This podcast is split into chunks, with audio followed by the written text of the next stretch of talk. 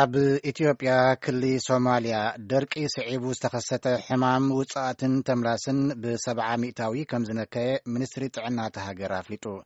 እስክንድር ፍሬው ካብ ኣዲስ ኣበባ ዝለኣኾ ጸብጻብ ኣሎ ገብረ ገብረ መድህን ከቕርቦ እዩ።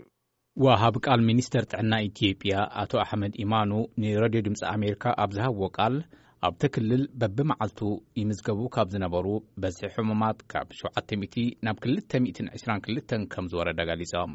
እቲ ግዜ ዘይህብ ውፅኣትን ተምላስን ኣብቲ ክልል ዝተልዓለ ድርቂ ስዒቡ ምስ ዝተፈጥረ ሕፅረት ማይ ካብ ዝሓለፈ መስከረም ጀሚሩ ምዃኑ እቶም ወሃቢ ቃል ሓቢሮም።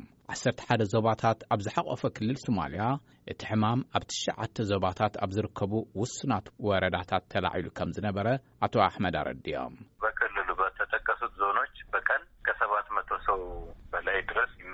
ንሶም ኣብቶም ዝተጠቕሱ ዞባታት ኣብ መዓልቲ ልዕሊ ሸውዓተ ሚእቲ ሰባት ይምዝገቡ ነይሮም።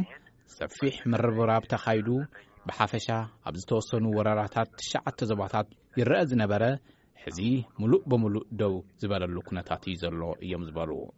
በዝሒ ተመዝጋቢ ብሰብዓ ሚእታዊ ብምንካዩ ኣብ ሽዱሽተ ዞባታት ዝነበሩ መሐከሚ ማእኸላት ጠጠው ከም ዝበሉ እውን ገሊፆም።